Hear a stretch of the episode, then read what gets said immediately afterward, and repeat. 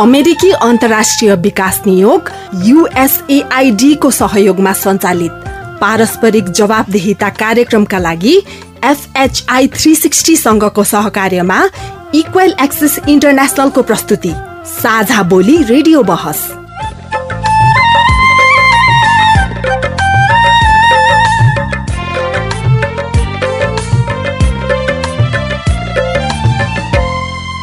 नमस्कार। साझा बोली रेडियो बहसमा तपाईँलाई स्वागत छ।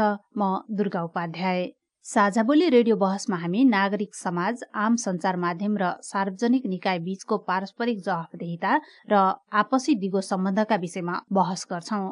पारस्परिक जवाफदेहिताका क्षेत्रीय सवाल र परिवेश समेटेर तयार पारिएको साझा बोली रेडियो बहसको यो स्थानीय संस्करण हो। आजको साझा बोली रेडियो बहस शुक्लाफाटा एफएम उनान्सय दशमलव चार मेगा हर्जले उत्पादन गरेको हो। यो कार्यक्रम कैलाली जिल्लाको सुनौलो एफएमबाट पनि सुन्न सकिन्छ। साझाबोली रेडियो बहस तपाईँले पाक्षिक रूपमा यसै समयमा सुन्न सक्नुहुन्छ। साझाबोली रेडियो बहसको यो स्थानीय संस्करणको एक्काइसौं भाग हो। झण्डै पाँच वर्ष अघिदेखि प्रसारण शुरू भएको साझाबोली यस वर्ष रेडियो बहसका रूपमा उत्पादन तथा प्रसारण शुरू भएको हो।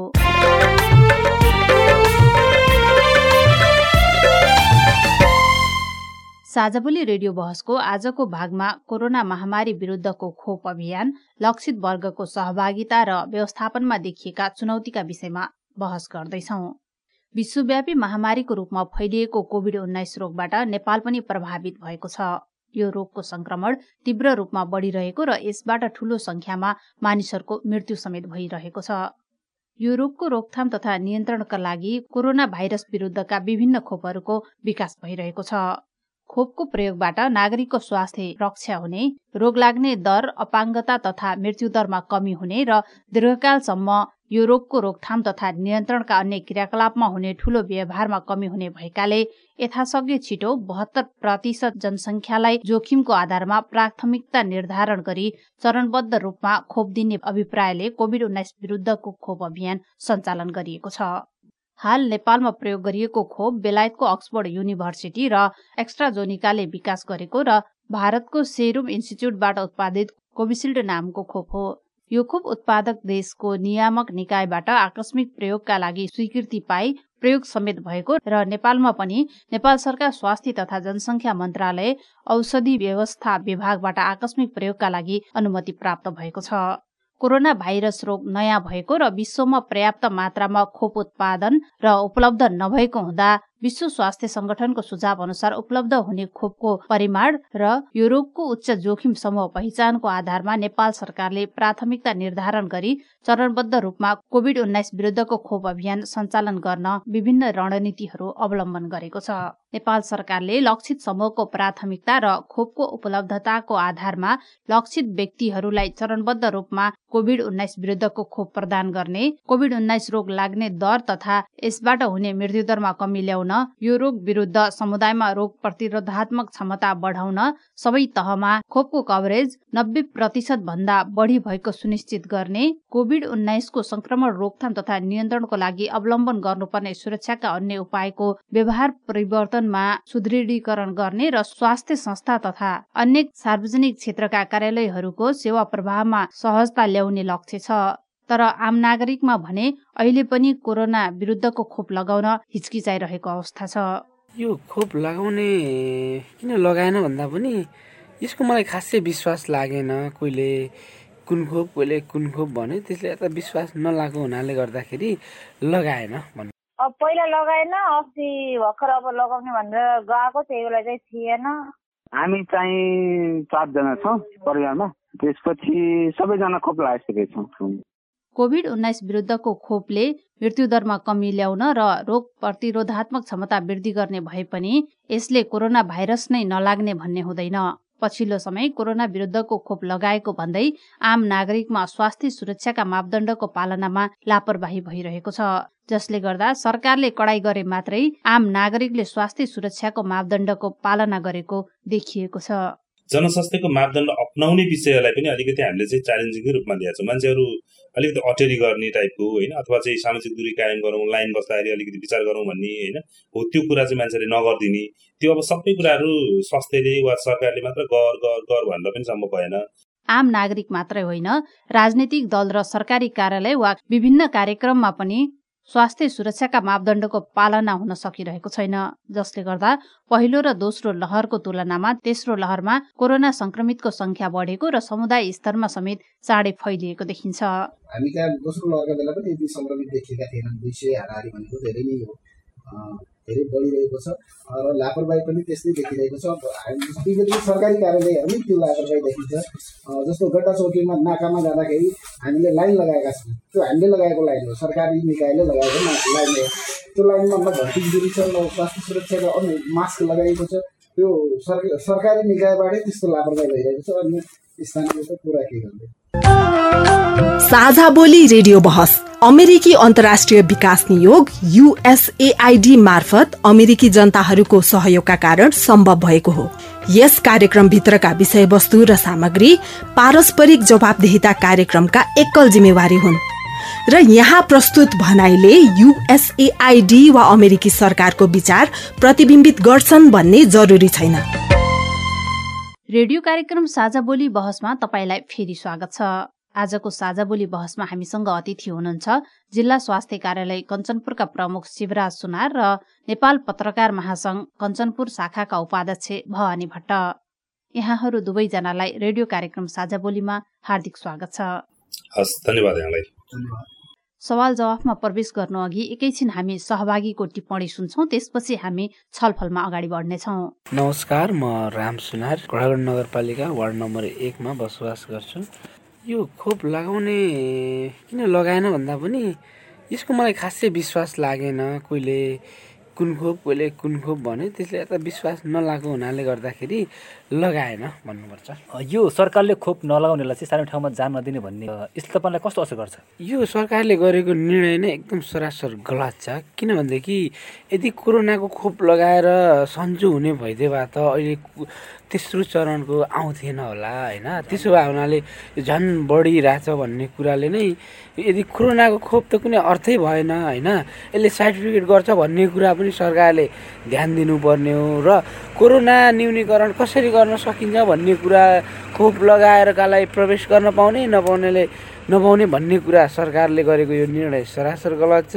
मुख मुखमा मास्क र सामाजिक दूरी मेन्टेन गरे पछाडि चाहिँ यो कोरोना चाहिँ रोकथाम गर्न सकिन्छ। यो कोभिडको सुई लगाएर चाहिँ होइन जस्तो लाग्छ। यो कोरोनाको खोपमा खासै विश्वास लागेन त्यसो भावनाले हामीले लगाएनौँ। कसैले लगाउँछौँ हाम्रो घर परिवारमा? सुरु चाहिँ हामी विशुद्ध रूपमा साबुन पानीले हात धुन्छौँ सेनिटाइजर लगाउँछौँ मुखमा मास्क लगाउँछौँ। अपरिचित मान्छेलाई घरमा प्रवेश गर्न दिँदैनौँ। हामी बजारमा हिँड्दा हिँडुल गर्दाखेरि पनि मास्क अनिवार्य लगाउँछौँ सामाजिक दूरी कायम गर्छौँ। त्यसो भए हुनाले भौतिक दूरी कायम गर्छौँ। त्यसो भए हुनाले हामी कोरोनाबाट सुरक्षित छौँ। यो कोरोना भनेको एउटा अफवाह हो। यसलाई सीमित मान्छेहरूको स्वार्थ परिपूर्तिका लागि गराएको यो हल्ला हो। त्यसो भए हुनाले यो कोरोना यथार्थमा कोरोना होइन जस्तो लाग्छ मेरो नाम पर्विना दर्लामी फेगन्ना सुखर कैलाली। अब पहिला लगाएन अस्ति भर्खर अब लगाउने भनेर गएको त्यही बेला चाहिँ थिएन। अब पहिला चाहिँ लगाएन अब थाहा हुँदा हुँदा पनि लगाएन। विश्वास नलागेर हो कि खोपको? नाइ त्यस्तो केही होइन। अब लगाउला लगाउला भने अब त्यसै थाहा भएन। लगाउला मात्रै सोचेर अब अब यो अब सरकारले खोप नलगाउनेलाई चाहिँ सार्वजनिक ठाउँमा जान नदिने भन्ने निर्णय गरेको छ होइन? यसले अब तपाईँले खोप नलगाउने कस्तो असर गर्छ तपाईँहरूलाई चाहिँ? के चाहिँ असर गर्छ? त्यही त अब त्यही हो। समस्या आउँछ कहीँ गएर पाउँदैन। अब त्यही हो। अब लाउला भनेको अब खै आएन खोप भने त्यही गएर लगाउनु भएको छैन घरमा पनि। अब मम्मी बिरामी लगाउनु मिल्दैन भनेर लगाउनु भएन। बुवाले चाहिँ लाउनु भएको छ। भाइले लगाएको छैन। भाइले र मैले लाउँला भनेर यो गएको। अब अनि जस्तो यो तपाईँ घर बाहिर जाँदै हुनु जाँदाखेरि जस्तो स्वास्थ्य सुरक्षाको मापदण्डहरू पालना कति गर्नुहुन्छ? त्यही हो मास्क लगाउने सेनिटाइजर लगाउने त्यही मान्छेसँग दुरी कायम गर्ने त्यस्तै अरू केही छैन। मेरो नाम चाहिँ रमेश कुमार चौधरी गौरी नगरपालिका वार्ड नम्बर आठ लिकमा म चाहिँ साउनको पच्चिस गते। हजुर पहिलोचोटिको साउन पच्चिस अनि दोस्रोको भडौँ उन्नाइस गते। मलाई त धेरै सुरक्षितको महसुस भयो। तर ठिकै थियो त्यति भिडभाड पनि थिएन कम थियो मान्छेहरू। हामी चाहिँ चारजना छौँ परिवारमा। त्यसपछि सबैजना खोप लगाइसकेका छौँ। पहिलो दोस्रो दुवै मास्क प्रयोग गर्छौँ र सेनिटाइजर युज गर्छौँ। सामाजिक दूरी कायम गर्छौँ। म लक्ष्मण विकास गौरीगङ्गा नगरपालिका वार्ड नम्बर नौ। मैले कोरोना खोप लगाएको यो दुईवटा खोप लगाएको छु मैले। पहिलो खोप अनि दोस्रो खोप। त्यसपछि अरू अरूलाई छुटेको खोप आएको थियो। त्योभन्दा अगावै हो मैले लगाएको। अच्छा यो खोप लगाइसकेपछि कतिको सुरक्षित महसुस गर्नुभयो? यहाँले लगाइसकेपछि? अब मलाई त सुरक्षितै नै भएको महसुस छ। केही वृद्धहरूले जो आफ्नै पडोसीमा खोप लगाएका थिए उहाँहरूलाई अलिकता शरीर त्यो खोप लगाएको ठाउँ दुख्ने गर्यो भन्ने कुराहरू थियो उहाँहरूलाई ज्वरो पनि आएको थियो केही समय। मलाई त्यस्तो केही भएन। खोप लगाइसकेपछि म आनन्द छु अहिलेसम्मलाई यो खोप लगाउन तपाईँलाई कतिको सहज भएको थियो त्यति बेला? खोप लगाउन पहिला खासै गरी भन्ने हो भने मैले वडाबाट जानकारी पाएर वडा अध्यक्षले नै सिफारिस गरेर गएर खोप लगाएको थिएँ। अनि त्यति मलाई त अप्ठ्यारो लागेको थिएन खोप लगाउन। मेरो घर परिवारमा अहिले छोरो अनि बुढाबुढी तिनजना हुन्छ तिनैजनाले खोप लगाइसक्यो जस्तो यो अब घर बाहिर जाँदा पनि सुरक्षित हुनुहुन्छ होला होइन? अनि सुरक्षाका मापदण्ड कसरी अपनाउनुहुन्छ बाहिर घर बाहिर जाँदाखेरि? घरभन्दा बाहिर जाँदा सेनिटाइजर प्रयोग गरिन्छ मास्क मास्क प्रयोग गरिन्छ। गरिन्छ अनि भिडभाडमा कहीँ साथीहरूसँग बस्दा अलिक लामो दूरी गरेर बस्ने गरेको छ। कहिले काहीँ दुई मिटर दूरी पनि हुन्छ कहिले एक डेढ मिटरको दूरी पनि हुन्छ त्यसरी बस्ने गरिएको छ। लक्ष्मी चौधरी गौरी गङ्गा कोरोनाको खोप मैले चाहिँ लगाइसकेको छु। हामीले चाहिँ यो कोरोनाको खोप बाह्र क्लासको इक्जाम दिनको लागि चाहिँ हामीले चाहिँ यसको भ्याक्सिन लगाएको यसको दुवै खोप लगाइसकेका छौँ यो अनि तपाईँले खोप लगाइसकेपछि आफूले कतिको सुरक्षित महसुस गर्नुभयो यहाँले? सुरक्षित त एकदमै नै सुरक्षित महसुस भएछ। ढुक्का पनि भो अब खोप लगाइसकेको छौँ भनेर। घर परिवार हामी चाहिँ तिनजना छौँ। मम्मी र मैले चाहिँ लगाइसकेका छौँ भाइको चाहिँ उमेर नपुगेको कारणले लगाएको छैन। खोप लाउन त हामीले सहजै पाएको छौँ घरबाट बाहिर जाँदाखेरि चाहिँ एकदम सुरक्षित भएर जान्छौँ। मास्कको प्रयोग सधैँ गरेर जान्छौँ। अब हामी विषयमा प्रवेश गर्छौँ। आज हामी कोरोना महामारी विरुद्धको खोप अभियान लक्षित वर्गको सहभागिता र व्यवस्थापनमा देखिएका चुनौतीका विषयमा छलफल गर्दैछौँ। आजको पहिलो प्रश्न जिल्ला स्वास्थ्य कार्यालय कञ्चनपुरका प्रमुख शिवराज सुनारजीलाई। कञ्चनपुरमा अहिले कतिजनाले कोरोना विरुद्धको खोप लगाएका छन् र हाम्रो लक्षित समुदायहरू कति हुन्? अहिले हाम्रो कञ्चनपुरमा सरकारले तोकेको लक्ष्य चाहिँ हामीले पुरा गर्न सफल भएका छौँ।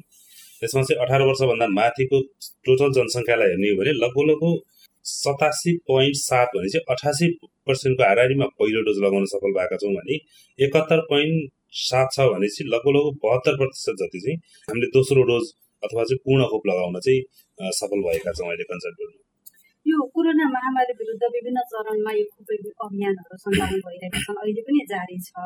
तर कतिपय कर्मचारी स्वास्थ्य कर्मी र आम नागरिकले अहिले यो दुई वर्षको पिरियड भइसक्दाखेरि पनि खोप लगाउन हिचकिचाइरहेको अवस्था छ। जनचेतनाको कमीले गर्दा खोप नलगाएको हो कि अरू कुनै कारण देखिन्छ पक्कै पनि यसमा धेरै मान्छेहरू त उल्लेखनीय रूपमा धेरै मान्छेहरूको सहभागिता रहेको छ। त्यसले गर्दाखेरि हामीले लगभग लगभग अस्सी नब्बे प्रतिशतको हाराहारीमा खोपलाई पुरा गर्न कोसिस सकिसकेका छौँ। तर पनि धेरै मान्छेहरूमा चाहिँ डर त्रास अथवा चाहिँ अलिकति यो सोसियल मिडिया अलिकति चाहिँ यो भनौँ न कहीँ कहीँ कहीँ न कहीँ कतैबाट र्युमर्सहरू चाहिँ आइराखेको छ कि जस्तो लास्ट टाइम चाहिँ एकचोटि जोन्सन एन्ड जोन्सन खोप लगायो भने चाहिँ कहाँ कतिजनाको के भयो कतिजनाले बिरामी भयो भन्ने किसिमको एउटा र्युमर्स फैलियो। त्यो वास्तवमा त्यो सत्य थिएन। हो त्यस्तो कुराले गर्दाखेरि फरक पारेको छ र अर्को चाहिँ हामीले गाउँघरका एकदमै सिम्पल सोझा अलिकति हार्ड टु रिच एरियामा चाहिँ अझै पनि हामी पुग्न सकिराखेका छैनौँ। यसका विविध पक्षहरू होलान्। यसमा चाहिँ जनचेतनालाई नै हामीले महत्त्वपूर्ण भूमिका खेल्छ र त्यसलाई चाहिँ मान्छौँ अहिले अलिक कमी नै भएको छ जस्तो लाग्छ। त्यस्तो के कारणले चाहिँ हामी लक्षित समुदायसम्म अथवा गाउँसम्म पुग्न सकेनौँ। उनीहरूलाई समेट्नको लागि कस्ता प्रयासहरू भइरहेको छ? होइन अहिले हाम्रो प्रयासहरू एकदम जारी छ। जस्तो हामीले पालिका लेभलबाट जस्तो प्रत्येक पालिकाको पाइक पर्ने ठाउँबाट हामीले खोप लगाइराखेको हुन्छ जस्तो इभन हामीले चाहिँ जस्तो अपाङ्गता भएका व्यक्तिहरूलाई घर घरमै गएर पनि एउटा अभियान चलाएर पनि हामीले खोप लगायौँ कञ्चनपुरमा। त्यसै गरी हार्ड टु रिच एरियालाई पनि बढी प्रायोरिटीमा राख्ने जस्तो स्लम एरियाहरू हुनसक्छ होइन। त्यस्तो एरियामा पनि राख्ने भनेर हामीले यो अभियान सञ्चालन गरिराखेका छौँ। तर अलिकति जस्तो मान्छेहरूमा हुन्छ नि यो खोप लगाउने त उसको नैसर्गिक के भन्छ त्यसलाई अधिकारको कुरा पनि भयो उसको चोइस स्वेच्छाको कुरा पनि भयो कि? अब जबरजस्ती गर्न पनि नसकिने एउटा पाटो भयो। अर्को पाटो चाहिँ जस्तो हामीले टेन टु फोर खोप चलाइराखेको छु त्यो मान्छे चाहिँ कोही मान्छे टेन टु फोर आफ्नो जीविकोपार्जनको लागि गएको छ भने त्यो मान्छे छुट्न सक्छ। यस्तो यस्तो छ। अनि अर्को चाहिँ हाम्रो लक्षित जनसङ्ख्या छ। त्यो लक्षित जनसङ्ख्या माइग्रेसनलाई हामीले घटाएको छैनौँ कि? होइन जस्तो मान्छे त एक ठाउँबाट अर्को ठाउँमा गइरहेको छ। अझ हाम्रो यतातिरको त अझै चलन भनेको त अब इन्डियातिर जाने होइन। त्यस्तो कुराहरू छ। त्यसमा चाहिँ अलिकति त्यो नसमेटिएको कारणले गर्दा पनि हामी चाहिँ पर्सेन्टेजमा चाहिँ हन्ड्रेड पर्सेन्ट पुग्न सकिराखेका छैनौँ। तर सबैजना चाहिँ भनौँ न पुग्ने कोसिस भएको छ। अब हेरौँ सकेसम्म हन्ड्रेड पर्सेन्ट हुन्छ।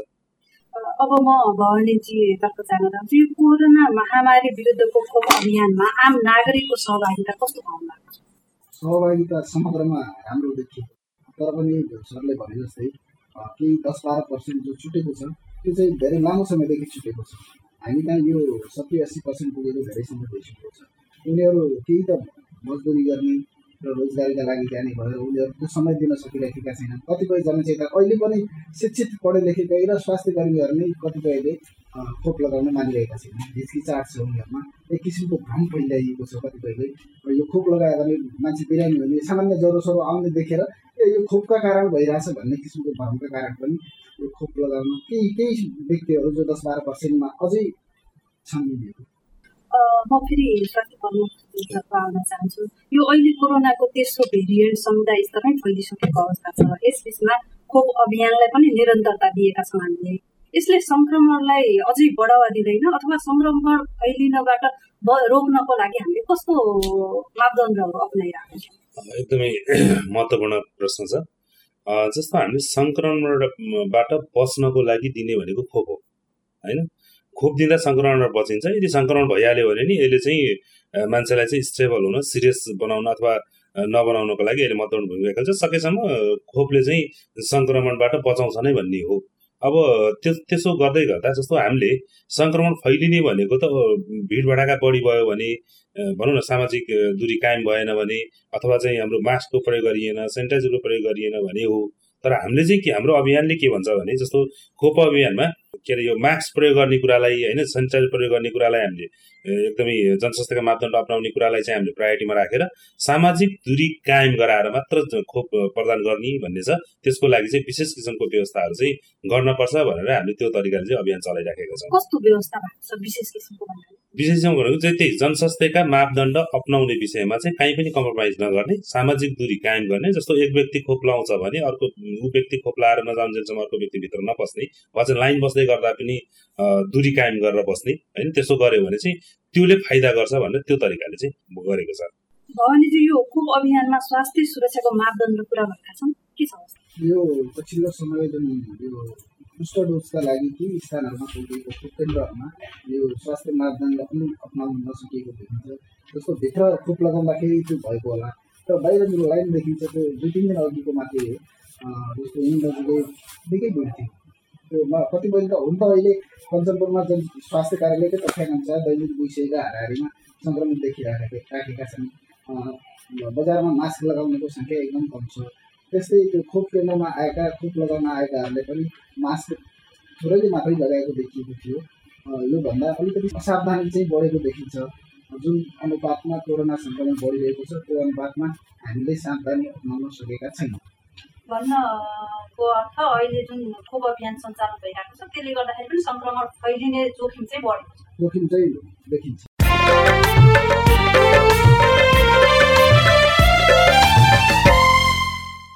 तपाईँ अहिले पारस्परिक जवाफदेहिता प्रवर्धनका लागि साझा बोली रेडियो बहस सुन्दै हुनुहुन्छ। हामी कुरा गरिरहेका छौं कोरोना महामारी विरुद्धको खोप अभियान लक्षित वर्गको सहभागिता र व्यवस्थापनमा देखिएका चुनौतीका विषयमा र हामीसँग हुनुहुन्छ जिल्ला स्वास्थ्य कार्यालय कञ्चनपुरका प्रमुख शिवराज सुनार र नेपाल पत्रकार महासंघ कञ्चनपुर शाखाका उपाध्यक्ष भवानी भट्ट।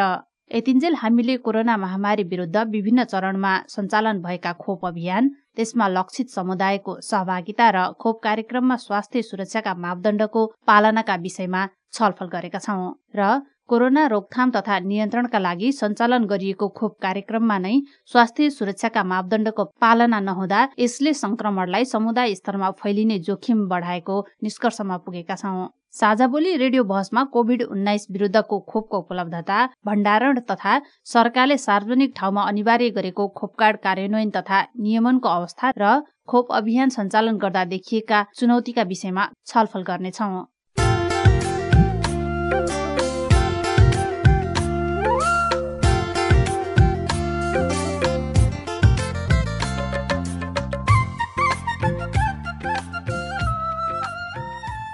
रेडियो कार्यक्रम साझा बोलीमा कोरोना महामारी विरुद्धको खोप अभियान लक्षित वर्गको सहभागिता र व्यवस्थापनमा देखिएका चुनौतीका विषयमा सवाल जवाफ सुन्दै हुनुहुन्छ।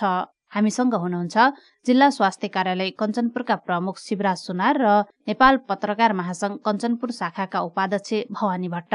साझाबोली रेडियो बहसमा अब कोविड उन्नाइस विरुद्धको खोपको उपलब्धता भण्डारण तथा सरकारले सार्वजनिक ठाउँमा अनिवार्य गरेको खोपकार्ड कार्यान्वयन तथा नियमनको अवस्थाका बारेमा छलफल गर्दैछौ। मेरो नाम जनक कुँवर म स्वास्थ्य कार्यालयमा कोल्चेन निरीक्षककोमा काम गरिरहेको छु अहिले खोप भ्याक्सिन सबै मैले हेर्ने गरेको छु कञ्चनपुर जिल्लामा। अब विशेष गरेर अहिले कोभिड नाइन्टिन रोग विरुद्धको खोप सञ्चालनमा के अरे नेपाल सरकारले सञ्चालन गर्दै आएको र अहिले अब खोपमा भन्ने भनेपछि त्यसैले मात्रै अब बढी प्राथमिकता हामीले दिएको अवस्था हो। अब कञ्चनपुरको हामीले अस्ति पुस अन्तिमसम्म जुन टार्गेट दिएको थियो कञ्चनपुरमा तिन लाख बाहन्न हजार नौ सय त्रिसठी हाम्रो टोटल टार्गेट पपुलेसन थियो। त्यसमध्ये हामीले अडसट्ठी पर्सेन्ट खोप लगाउनमा हामी सफल पनि भयौँ। त्यस्तै गरेर पूर्ण खोप हामीले अडसट्ठी पर्सेन्टमा सफल भयौँ। भने अझ हामीले लगातार गरिरहेछौँ माघ एक गतिदेखि हामीले पालिकालाई सञ्चालन गर्ने गरेर हामीले के अरे दिइ पनि सकेका छौँ। अहिले भ्याक्सिनको कुनै पनि कमी छैन। अरू जिल्लाको आधारमा हेर्ने हो भनेपछि बाजुरा दार्चुला र कञ्चनपुरमा पुगाएको के अरे देखिन्छ। अरू बाँकी जिल्लाहरूमा पुगाएको छैनन्। उहाँ हाराहारीमा के अरे पुग्ने तयारीमा चाहिँ नि यसो पर्सेन्ट हेर्दाखेरि देखिएको छ। कैलालीमा दुईटा नगरपालिकाले मिट गरेका छन्। टोटलमा छ लाख चौतिस हजार छ सौ चौवालिस चाहिँ टार्गेट पपुलेसन छ कैलालीको। अनि एचिभमेन्ट चाहिँ उहाँले एकसट्ठी पोइन्ट छ भनेपछि बासठी गरिसक्नु भएको छ। खोप अभियान हाम्रो सञ्चालन भइरहेको छ। तर कतिपय व्यक्तिहरू खोप लगाउन जाँदाखेरि खोप सकियो हामी फर्किएर आयौँ। त्यसपछि दोस्रो पटक जानलाई भिडभाड छ डर लाग्यो। त्यसैले गएको छैनौँ भन्ने खालको गुनासो पनि आइरहेको छ। हामी कहाँ यो खोपको मात्रा कति उपलब्ध छ?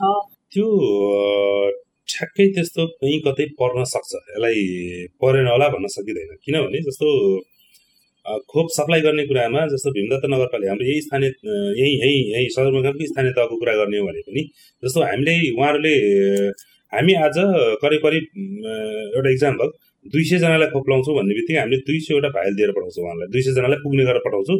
र त्यहाँ दुई सय पाँचजना आइदियो भने अब के गर्ने भन्ने कि? कि उनीहरू आउन पर्यो फेरि चाहिँ कि खोप लगाउन पर्ने मान्छे भोलि भोलि आउनु पर्यो कि चाहिँ हामीले चाहिँ तुरन्तको तुरन्तै सप्लाई गर्न पर्यो? होइन त्यो तरिकाबाट म्यानेज हुन्छ। धेरै ठाउँमा धेरै तरिकाले हामीले त्यसरी म्यानेज गराएको हुन्छ खोपको आवश्यकता पर्यो भने कुनै पनि ठाउँमा हामीलाई खोपको आवश्यकता पर्यो। हामीसँग अभाइलेबल भए अनुसार कुनै पनि ठाउँमा त्यस्तो समस्या चाहिँ भएको छैन। कहीँ कतै गुनासोहरू आउन सक्छ। त्यो गुनासो सम्बन्धन चाहिँ हामीले गर्ने कोसिस गरेका छौँ। त्यस्तो गुनासो आएको हुनसक्छ अहिले हामीसँग कति उपलब्ध छ? त्यसको भण्डारण कसरी गरिएको छ? अहिले हामीसँग जस्तो हामीलाई यसलाई अलिकति हेर्ने हो भने जस्तो सेन्टरबाट प्रदेशमा आउँछ। प्रदेशको यो खोप आपूर्ति केन्द्रमा आउँछ। आपूर्तिले हाम्रो जिल्ला स्तरमा पठाउँछ। होइन? आपूर्तिले जिल्ला स्तरको हाम्रो खोपमा आउने बित्तिकै चाहिँ हामीले चाहिँ प्रत्येक पालिकामा पठाउँछौँ। जस्तो भोलि खोप लगाउन पर्छ भने आज मात्र त्यो पालिकामा पठाउँछौँ त्यो पालिकामा चाहिँ खोपलाई भण्डारण गर्ने वा चाहिँ कोल्ड चेन मेन्टेन गर्ने कुरा चाहिँ त्यहाँ जुन जुन ठाउँमा छ त्यो ठाउँमा अझै पठाउँछौँ होइन भने जुन ठाउँमा जस्तो यहीँ यहीँ सदरमुकामको स्थानीय तहमा हेर्ने हो भने यहाँ चाहिँ पालिकामा भण्डारण गर्ने ठाउँ छैन। त्यसको लागि हामीले हाम्रो अफिसको सेन्टरमा हामीले हाम्रो अफिसमा चाहिँ त्यसलाई भण्डारण गर्छौँ अनि आवश्यकता अनुसार चाहिँ उनीहरूलाई त्यो कोल्ड बक्स भन्छ त्यो कोल्ड बक्समा हालेर खोप केन्द्रसम्म पुर्याउने काम गर्छौँ। त्यसरी चाहिँ यो हुन्छ त्यसको टेम्परेचर मेन्टेन गर्ने कुरालाई चाहिँ हामीले कोल्ड चेन मेन्टेन गर्ने कुराले नो कम्प्रोमाइज कुनै पनि कम्प्रोमाइज। अहिले हामीसँग ठ्याक्कै डेटामा हेर्ने भने अहिले पालिकामा चाहिँ लागिराखेको छ खोप। जस्तो कुनै कुनै पालिकामा हाम्रो दुई तिन दिनसम्म एक महिनासम्म पनि भना गरेर राख्न मिल्छ। त्यो हिसाबको पालिकामा चाहिँ अलिकति बढी खोप दिएर चाहिँ आवश्यकता अनुसार उहाँहरूले लगाउनु भएको छ र सरकारको लक्ष्य अनुसार चाहिँ पुरा गर्ने खोप लगाउने भनेर गएको छ धेरैवटा पालिकामा। अलिअलि खोप होइन? र र हामीसँग जिल्लामा जिल्लाको सेन्ट्रलमा मसँग अहिले जिल्लामा स्टक भनेको जस्तो जोन्सन एन्ड जोन्सन भनेको लगभग बाइस हजारको हाराहारीमा मसँग स्टक छ अहिले अनि भेरोसेल भनेको लगभग आठ दस हजार चाहिँ भेरोसेल अहिले हामीसँग स्टक छ जिल्लामा। र त्यसै गरी चाहिँ कोभिसिल्डको अहिले बुस्टर डोज पनि हामीले चलाइराखेका छौँ। त्यसले गर्दाखेरि हामीसँग अहिले आजको दिनमा लगभग छ सात हजार सात हजारको हारिमा चाहिँ अहिले हामीसँग आजको दिनसम्म चाहिँ भण्डारण छ र पालिकामा पनि खोप छ। त्यसले गर्दाखेरि अझै पनि हामी धेरै मान्छेलाई खोप गर्छौँ र जुन जुन पालिकामा स्टक भयो भने त्यसलाई फेरि हामीले लिएर आउँछौँ। अनि हामीले आवश्यकता अनुसार चाहिँ यो यताको आपूर्ति केन्द्रबाट पठाइराखेको हुन्छ। खोप आज पनि आउँछ खोप फेरि थप खोप आउँछ। यो सत्र गतेपछि चार दिनका लागि फेरि विद्यालय सञ्चालन गरेर बाह्र वर्ष माथिका बालबालिकालाई पनि खोप लगाउने तयारी भइरहेको छ। विद्यालयमा सञ्चालन गरिने खोप अभियानलाई व्यवस्थित गर्न कस्तो खालको मापदण्ड बनाइएको छ? त्यो चाहिँ हामीले ठ्याक्कै सरकारले भनेको सरकारले भने अनुसारको जनस्वास्थ्यका मापदण्ड अप्नाउने कुरामा कुनै पनि त्यो कसुर बाँकी रहन भएन। जस्तो त्यसको पनि मेन भनेको चाहिँ मास्क प्रयोग गर्ने र दुरी कायम गर्ने। यो दुईवटा बाटो छ जस्तो स्कुल अब ठुलो एरिया छ त्यसले गर्दाखेरि त्यहाँ चाहिँ स्कुलको सहयोगमा टिचरहरूको सहयोगमा अथवा स्कुल प्रशासनको सहयोगमा चाहिँ यसलाई चाहिँ हामीले सामाजिक सामाजिक दूरी कायम गर्ने वा जनस्वास्थ्यका मापदण्ड अप्नाएर नै यसलाई गर्ने हो र अर्को चाहिँ जस्तो स्कुलको स्कुलकै भवनमै गर्ने हो नि त कार्यक्रम त जस्तो होइन। त्यसले गर्दाखेरि त्यहाँ जन त्यो सरकारले भनेको जनस्वास्थ्यको मापदण्ड अप्नाएर नै खोप अभियान सञ्चालन गर्ने हो। छुट्टै किसिमको त्यसको रणनीति विद्यालयमा जनसङ्ख्या धेरै हुन्छ हजुर हो हो हो। अब त्यसमा छुट्टै किसिमको भएको छैन। सामाजिक दूरी कायम गर्नुपर्छ भन्ने अहिले सबैजनालाई थाहा छ। मास्कको प्रयोग गर्नुपर्छ भन्ने सबैजनालाई थाहा छ। विद्यार्थीहरूलाई झन् थाहा हुन्छ यो कुराहरू होइन? त्यसले स्कुल प्रशासनसँग मिलेर हाम्रो स्वास्थ्य कर्मीले अथवा हाम्रो पालिकाको स्वास्थ्य शाखाले त्यसलाई चाहिँ व्यवस्थित तरिकाले सञ्चालन गर्छ त्यो उसको लागि हामीसँग लगभग खोप पाउने क्रम छ आइसि आइराखेको छ। यो लक्षित समुदायलाई कहिलेसम्म खोप लगाएर सक्ने लक्ष्य छ अब हाम्रो लक्ष्य भन्दा पनि सरकारले तोकेको लक्ष्य भनेको सम्पूर्ण नेपालीलाई चैत महिनाभित्रमा चाहिँ हन्ड्रेड पर्सेन्ट खोप लगाउने भन्ने लक्ष्य हो। अब हामीले पनि अब माथि तालुक निकायसँग अथवा स्वास्थ्य जनसङ्ख्या मन्त्रालयको प्रेस विज्ञप्तिहरू वा चाहिँ उहाँहरूले भनेको त्यहाँको सचिवज्यूको कुरा सुन्दै गर्दा अब लगभग भनौँ न चाँडै चाहिँ सकिन्छ सबैजनालाई गर्न सकिन्छ भन्ने कुरा छ। जस्तो बाह्रदेखि अठार वर्षको हामीले मोडर्ना खोप दियौँ त्यस्तै गरी फाइजरको खोप पनि दिँदैछौँ। अब चाहिँ लगभग पाँच वर्षदेखि एघार वर्षसम्मकोलाई चाहिँ फाइजर फेरि दिने भन्ने प्लान रणनीतिमा छ। त्यसको लागि अब भनौँ न केही प्रोसेसहरू भएको होला त्यो कुरा हामीले सुन्नमा आएको छ। लगभग सबैजनालाई अहिले बाह्र वर्षभन्दा माथिकोलाई चाहिँ लक्षितसम्म भनेर मानिसके पछाडि चैतको महिनाभित्र सक्ने भनेर सरकारको लक्ष्य अनुसार नै हामी अगाडि बढ्ने हो। जिल्लाको जस्तो हेर्ने हो भने बाह्र वर्षदेखि माथिको बाह्र वर्षदेखि अठारसम्मको चाहिँ यदि हामीले मोडर्नालाई हेर्ने हो भने हाम्रो हन्ड्रेड पर्सेन्ट कभरेज भएको छ पहिलो पहिलो डोज। हन्ड्रेडभन्दा पनि माथि गएको छ अझै होइन? अब त्यसलाई चाहिँ जस्तो हामीसँग साठी हजारको हाराहारीमा बालबालिकालाई खोप दिनु भनेर आएकोमा चाहिँ हामीले त्रिसठी चौसठी हजारजनालाई हामीले खोप दिएका छौँ कि बालबालिकाहरू। बाह्रदेखि अठार भनेपछि त्यो त्यसको सेकेन्ड डोज फेरि आइसक्यो चौसठी हजार आज खोप। भनेपछि त्यो हन्ड्रेड पर्सेन्ट लगौलो हुन्छ।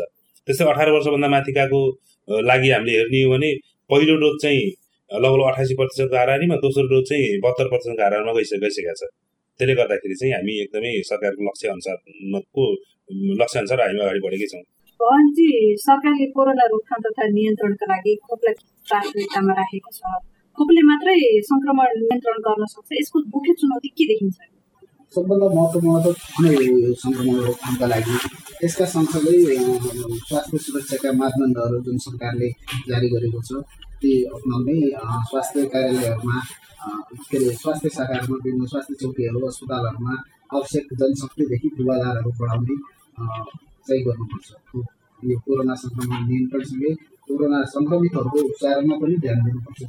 सर्वसाधारणले कोरोना महामारी रोकथाम तथा नियन्त्रणको लागि कतिको ध्यान दिएको यो हेर्दाखेरि एक किसिमको शिक्षित समुदायले केही हदसम्म मास्क लगाउने सेनिटाइजरको प्रयोग गर्ने अनि सामाजिक दूरी पनि अप्नाउनुपर्छ भन्ने बुझेका छन् जो दैनिक ज्यालादारी गरेर खानेहरू छन् मजदुरी गरेर खानेहरू उनीहरूलाई चाहिँ यो विषयमा खासै ज्ञान छैन उनीहरूलाई यो भौतिक दूरी कायम गरेर उनीहरू काम गर्न सक्ने अवस्थामा पनि छैनन् सँगै काम गर्नुपर्ने अवस्था छ। त्यसो भावनाले ज्यालादारी र मजदुरी गरेर खानेहरूका लागि चाहिँ यो अलिक अलिक असम्भव जस्तो पनि देखिन्छ।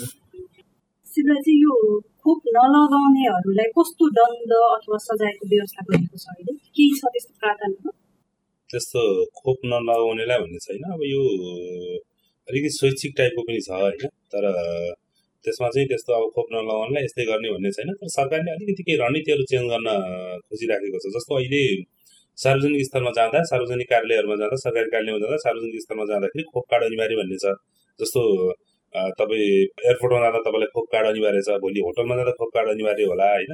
त्यसले गर्दाखेरि अथवा भोलि तपाईँको कुनै भाइटल भाइटल इभेन्ट्सहरू रेजिस्टर गर्न पर्ला अथवा चाहिँ भोलि तपाईँलाई विदेश जान पर्ला होइन? यी सम्पूर्ण कुरा चाहिँ गर्ने क्रममा अथवा चाहिँ भोलि अरू कुनै पनि हुनसक्छ त्यसले गर्दाखेरि खोप कार्ड अनिवार्य चाहिन्छ भनेर सरकारले खोप कार्ड बनाउनुहोस् र त्यो खोप कार्डलाई चाहिँ क्युआर कोडमा बनाएर मोबाइलमा राख्नुहोस् भन्ने टाइपले सरकारले त्यो नीति निर्देशन जारी गरेको छ। त्यो भनेकै मलाई लाग्छ अलिकति त्यसलाई नै हामीले अलिकति दण्ड सजायको रूपमा लिनुपर्छ कि? यो खोप नलगाएकालाई सार्वजनिक ठाउँमा निषेध गर्ने भनेर एक खालको निर्देशन जारी भइसकेपछि त्यसको नियमन र कुन निकायले गरिरहेको छ अथवा कञ्चनपुरमा त्यो लागू भएको छ कि छैन हामीले कसरी नियमन गरिरहेछौँ अब सात गतेबाट खोप कार्ड नभएकोलाई सार्वजनिक ठाउँमा जान नदिने भन्ने सरकारले जारी गरेको जायज हो त्यो परिपत्र छ। त्यही अनुसार चाहिँ हामीले पनि लागू गरेका छौँ र अहिले धेरैवटा कार्यालयमा चाहिँ त्यो लागू भएको छ। अब त्यो नियमन गर्ने हाम्रो जिल्लामा डिसिसिएमसी छ एउटा सिडिसाको संयोजकत्वमा त्यो समिति प्लस चाहिँ सरकार निकायहरूले सबैजनाले यसलाई चाहिँ यसको अनुमोदन गर्नुपर्छ जस्तो लाग्छ मलाई।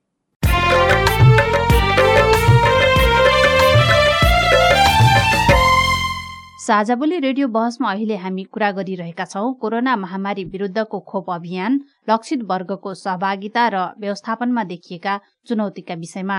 यतिन्जेल हामीले कोरोना महामारी विरूद्ध विभिन्न चरणमा सञ्चालन भएका खोप अभियान त्यसमा लक्षित समुदायको सहभागिता खोप कार्यक्रममा स्वास्थ्य सुरक्षाको मापदण्ड पालना तथा खोपको उपलब्धता र भण्डारणसँगै सरकारले सार्वजनिक ठाउँमा अनिवार्य गरेको खोप कार्ड कार्यान्वयन तथा नियमनको अवस्थाका विषयमा छलफल गर्यौं। अब हामी कोरोना महामारीको पहिलो र दोस्रो लहरको तुलनामा तेस्रो लहरमा देखिएका कमी कमजोरी र त्यसमा सुधार गर्नुपर्ने पक्ष र खोप अभियानलाई कसरी प्रभावकारी रूपमा सञ्चालन गर्न सकिन्छ भन्ने विषयमा छलफल गर्नेछौ। खोप लगाउन अहिले समुदाय स्तरमा कतिको सहज छ? अथवा खोप सञ्चालन गरिराख्दाखेरि समस्या र चुनौतीहरू के के देखिएको छ? अहिले यसो हेर्ने हो भने हाम्रो प्रगतिको हिसाबले हेर्ने हो भने चाहिँ उल्लेखनीय मात्रामा चाहिँ जनसहभागिता छ खोपमा अहिले। मान्छेलाई कोभिडबाट बच्नको लागि एकमात्र सबैभन्दा सस्तो र एक एकमात्र उपाय भनेकै खोप लगाउनु हो अहिले। त्यो प्रमाणित पनि भइसकेको छ र यो एकदमै विश्वव्यापी मान्यताको रूपमा पनि आइसकेको र यो भएको कारणले गर्दाखेरि सबैजनाको एकदमै उल्लेखनीय सहभागिता भएको छ। तर यो त्यति गर्दा गर्दै पनि जस्तो मैले भने अलिकति मान्छे ठ्याक्क हाम्रो सर्टेन टाइम हामीले खोप चलिरहेको हुन्छ खोप अभियान चलेको हुन्छ। यो अभियान हो जस्तो पाँच दिनको अभियान छ भने मान्छे छैटौँ दिन आउ आइदिन्छ खोप लगाउन। विभिन्न कारणहरू हुनसक्छ। त्यसले गर्दाखेरि मान्छे छुट्न सक्छ। त्यो अलिकति चुनौतीको विषय भयो। जस्तो हार्ड टु रिच एरिया अलिकति भनौँ न त्यस्तो एरियामा जाँदै गर्दा अथवा मान्छेहरू चाहिँ अलि अलिकति यो गरिबीको रेखामुनि भएको मान्छेहरू छुट्ने सम्भावना छ। किनभने उहाँहरूलाई चाहिँ त्यो हामीले टेन टु फाइभ चला खोप चलायो भने त्यो भित्रमा उहाँहरू आउन नसक्ने होइन? यस्ता कुराहरू एउटा छन् भने अर्को चाहिँ जनस्वास्थ्यको मापदण्ड अप्नाउने विषयलाई पनि अलिकति हामीले चाहिँ च्यालेन्जिङकै रूपमा लिएको छौँ। मान्छेहरू अलिकति अटेरी गर्ने टाइपको होइन अथवा चाहिँ सामाजिक दूरी कायम गरौँ लाइन बस्दाखेरि अलिकति विचार गरौँ भन्ने होइन हो त्यो कुरा चाहिँ मान्छेले नगरिदिने। त्यो अब सबै कुराहरू स्वास्थ्यले वा सरकारले मात्र गर गर गर भनेर पनि सम्भव भएन। मान्छेले आफैले चाहिँ आफ्नो अधिकारको आफ्नो कर्तव्यको कुरा पनि हेर्न पऱ्यो। आफ्नो लागि हो नि त त्यो। भन्ने हिसाबले त्यो सोचेर गऱ्यो भने चाहिँ भिडभाडका कम हुन्छ होइन। अथवा त्यो भिडभाडका कम हुने वा जनसङ्ख्या मापदण्ड पूर्ण रूपमा पालना गर्ने यी कुराहरूले पनि अलिकति फरक पारेको छ। मान्छेको अलिकति ल्याक अफ नलेज भन्ने कि त्यसलाई अथवा चाहिँ मान्छे भनेको कुरालाई चाहिँ नमानिदिने होइन? आफू मात्र भने आफूले मात्र भनेको कुरा हुन्छ भन्ने टाइपको त्यस्तो कुराहरू छन्। अब अलिकति जनशक्तिदेखि लिएर होइन? हामीलाई सबैभन्दा अभाव भनेको चाहिँ जनशक्ति व्यवस्थापनमा हुन्छ क्या अहिले। खोप सञ्चालन गर्दै गर्दा जस्तो कुनै ठाउँमा दुईजनाले सञ्चालन गरेको छ दुवैजना चाहिँ काम गर्दै गर्दा कोभिडै भइदियो पोजिटिभ भइदियो होइन? अथवा चाहिँ अरू केही गर्दै गर्दा अथवा चाहिँ त्यो गर्दाखेरि जनशक्ति अभाव चाहिँ अलिकति खड्केको छ अरू त सबै कुराहरू गइराखेकै छ राम्रोसँग। भवानीजी यसअघि कोरोनाको पहिलो र दोस्रो लहरको तुलनामा तेस्रो लहरमा कस्तो खालको कमी कमजोरीहरू पाइएको छ र त्यसमा सुधार गर्नुपर्ने पक्षहरू के के देखिन्छ? अब पहिलो लहरका बेला न त त्यति बेला पनि विरोधहरू उठेकै थिए। पहिलो लहरका बेला स्वास्थ्य कर्मी जनप्रतिनिधि सबै खटिएका थिए। नाकाबाटै मान्छेलाई ल्याउने क्वारेन्टाइन राख्ने आइसोलेसन राख्ने निकै व्यवस्थित भएको थियो। त्यति बेला अब केही कमी कमजोरी भएका होला। दोस्रो लहरमा अलिकति क्वारेन्टाइन आइसोलेसनमा सबैको ध्यान हट्यो त्यो केही अरू कुरा पनि होला। तर तेस्रो लहरमा त कन्ट्याक्ट ट्रेसिङसम्म पनि छैन। यो सम्भव पनि छैन जस्तो लाग्छ। अब समुदाय समुदायमै फैलिसकेको अवस्थामा कोरोना अहिले त हामी त्यहाँ दोस्रो लहरका बेला पनि यति सङ्क्रमित देखिएका थिएनन्। दुई सय हाराहारी भनेको धेरै नै हो। धेरै बढिरहेको छ। र लापरवाही पनि त्यस्तै देखिरहेको छ। विगतको सरकारी कार्यालयहरू त्यो लापरवाही देखिन्छ। जस्तो गड्डा चौकीमा नाकामा जाँदाखेरि हामीले लाइन लगाएका छौँ। त्यो हामीले लगाएको लाइन हो। सरकारी निकायले लगाएको लाइन हो। त्यो लाइनमा न भर्ती दुरी छ न स्वास्थ्य सुरक्षाको अन्य मास्क लगाइएको छ। त्यो सरकारी निकायबाटै त्यस्तो लापरवाही भइरहेको छ। अनि स्थानीय त कुरा के गर्दै यो कोरोना विरुद्धको अभियानलाई प्रभावकारी बनाउन आम सञ्चार माध्यमको कस्तो भूमिका हुन्छ र त्यसमा तपाईँको प्रतिबद्धता के के अब पहिलो लहरका बेला न त त्यति बेला पनि विरोधहरू उठेकै थिए पहिलो लहरका बेला स्वास्थ्य कर्मी जनप्रतिनिधि सबै खटिएका थिए नाकाबाटै मान्छेलाई ल्याउने क्वारेन्टाइन राख्ने आइसोलेसन राख्ने निकै व्यवस्थित भएको थियो त्यति बेला अब केही कमी कमजोरी भएका होला। दोस्रो लहरमा अलिकति क्वारेन्टाइन आइसोलेसनमा सबैको ध्यान हट्यो त्यो केही अरू कुरा पनि होला। तर तेस्रो लहरमा त कन्ट्याक्ट ट्रेसिङसम्म पनि छैन। यो सम्भव पनि छैन जस्तो लाग्छ। अब समुदाय समुदायमै फैलिसकेको अवस्थामा कोरोना। अहिले त हामी त्यहाँ दोस्रो लहरका बेला पनि यति सङ्क्रमित देखिएका थिएनन् दुई सय हाराहारी भनेको धेरै नै हो। धेरै बढिरहेको छ। र लापरवाही पनि त्यस्तै देखिरहेको छ। विगतको सरकारी कार्यालयहरू त्यो लापरवाही देखिन्छ। जस्तो गड्डा चौकीमा नाकामा जाँदाखेरि हामीले लाइन लगाएका छौँ। त्यो हामीले लगाएको लाइन हो। सरकारी निकायले लगाएको लाइन हो। त्यो लाइनमा न भर्ती दुरी छ न स्वास्थ्य सुरक्षाको अन्य मास्क लगाइएको छ। त्यो सरकारी निकायबाटै त्यस्तो लापरवाही भइरहेको छ। अनि स्थानीय कुरा के गर्दै यो कोरोना विरुद्धको अभियानलाई प्रभावकारी बनाउन आम सञ्चार माध्यमको कस्तो भूमिका हुन्छ र त्यसमा तपाईँको प्रतिबद्धता पहिलो लहरको सङ्क्रमणपछि यो खोप लगाउने व्यक्ति त्यति इच्छुक देखिएका थिएनन् जति बेला सुरुमा खोप अभियान सुरु भएको थियो जब दोस्रो लहरले धेरैको ज्यान गयो धेरै सङ्क्रमित भए त्यसपछि खोप लगाउन तछाड मछाड भयो खोप केन्द्रहरूमा यति भिड थियो कि दिनको सय दुई सय एउटा केन्द्र खोप्दैन त्यहाँ मान्छे चाहिँ हजारसम्म उपस्थित हुन्थे। अब त्यस त्यसपछि फेरि खोप लगाउन मान्छेले छोडेका छन्। यो अब सबभन्दा ठुलो जनचेतना नै हो र दोस्रो कुरा जुन हामीले भनेका छौँ मजदुरीमा जाने रोजगार लगारीमा जानेहरू उनीहरूको समय पाइक पर्ने गरेर पनि जान सक्ने हुन्छ। त्यो अनुसार पत्र पत्रिकाहरूले पनि त्यो अनुसार जनचेतनामूलक समाचारहरू प्रकाशित गर्ने उनीहरूका विषयमा लेखिदिने त्यसो गर्ने र त्यसो हामी गरिरहेका पनि छौँ र यो मेरो प्रतिबद्धता पनि अहिले हाम्रो हामीले चाहिँ यो कोरोनाबाट बच्ने महत्त्वपूर्ण हतियार अथवा महत्त्वपूर्ण चिज भनेकै अहिले खोप हो। खोप लगाइसके पछाडि मान्छेलाई कोरोना हुँदैन। यदि भइसके भइहाल्यो भने पनि त्यसले चाहिँ हामीलाई कुनै पनि किसिमको असर गर्दैन भन्ने विगतका हामीलाई विभिन्न तथ्यहरूले पनि देखाएको छ र युनिभर्सल ट्रुथ पनि हो। त्यसले गर्दाखेरि खोप प्रत्येक नागरिकले खोप लगाउन जरुरी छ खोप लगाउनै पर्छ। अनि अर्को चाहिँ यो अहिले हामीले लक्कलो जिल्लाको सिनारी हेर्ने हो भने पनि खोप चाहिँ हामीले लक्कलो राम्रै हिसाबले सबैजनालाई कभर गर्ने हिसाबले गरेका छौँ। र अहिले अब प्रत्येक व्यक्तिले हन्ड्रेड पर्सेन्ट खोप पाउनुपर्छ भन्ने हिसाबले हामी चाहिँ अब यसलाई हेड काउन्टको हेड काउन्ट गरेर कसले कसले लगाएको छैन प्रत्येक ठाउँमा पूर्ण खोप भएको छ कि छैन भने त्यो अभियानमा त्यसरी लाग्छौँ र सकेसम्म कञ्चनपुरमा भएका जति पनि व्यक्तिहरू छन् प्रत्येक व्यक्तिको हेड काउन्ट गरेर भए पनि हामीले चाहिँ खोप लगाउँछौँ छुटेका व्यक्तिलाई कन्भिन्स गर्छौँ खोप लगाउन प्रेरित गर्छौँ र त्यही अनुसार चाहिँ हामी खोप अभियानलाई जनस्वास्थ्यका मापदण्ड अप्नाउँदै यो कोरोनालाई चाहिँ कसरी हुन्छ यसलाई चाहिँ कन्ट्रोल गर्ने हिसाबले चाहिँ हामी अगाडि बढ्छौँ।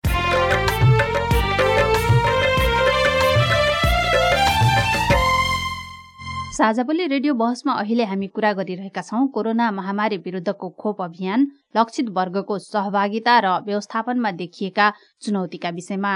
हामीसँग हुनुहुन्छ जिल्ला स्वास्थ्य कार्यालय कञ्चनपुरका प्रमुख शिवराज सुनार र नेपाल पत्रकार महासंघ कञ्चनपुर शाखाका उपाध्यक्ष भवानी भट्ट। अब हामी कार्यक्रमको अन्त्यतिर छौं। आजको हाम्रो छलफलमा सहभागी जिल्ला स्वास्थ्य कार्यालय कञ्चनपुरका प्रमुख शिवराज सुनार र नेपाल पत्रकार महासंघ कञ्चनपुर शाखाका उपाध्यक्ष भवानी भट्ट। दुवैजनालाई धेरै धेरै धन्यवाद।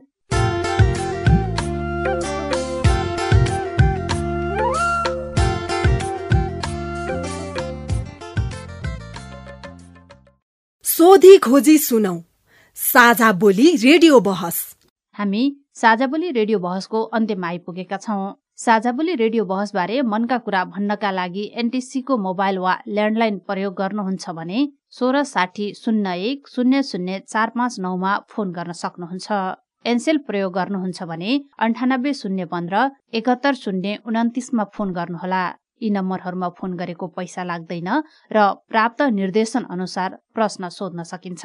पारस्परिक जवाफदेहिताबारे आफूले देखे सुने या भोगेका कुनै कुरा लेख मार्फत व्यक्त गर्न चाहनुहुन्छ वा अरूका लेख पढ्न चाहनुहुन्छ भने W W W dot MEROREPORT dot एनइटीमा पनि लगइन गर्न सक्नुहुन्छ। साझा बोली रेडियो बहस तपाईँले मेरो रिपोर्ट वेबसाइट पोडकास्ट च्यानल र सामाजिक सञ्जालहरूमा पनि सुन्न सक्नुहुन्छ।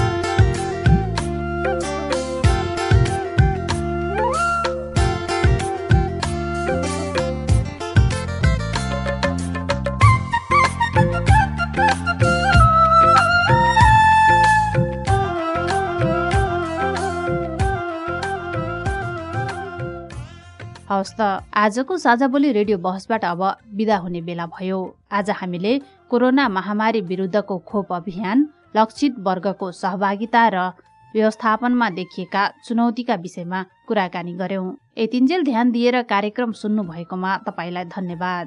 आगामी श्रृङ्खलामा पनि आजको जस्तै समयमा सार्वजनिक जवाफदेहिताको अर्को विषयमा छलफल लिएर आउनेछौ। सुन्न नबिर्सनुहोला। आजको कार्यक्रमबाट म दुर्गा उपाध्याय विदा भएँ नमस्कार।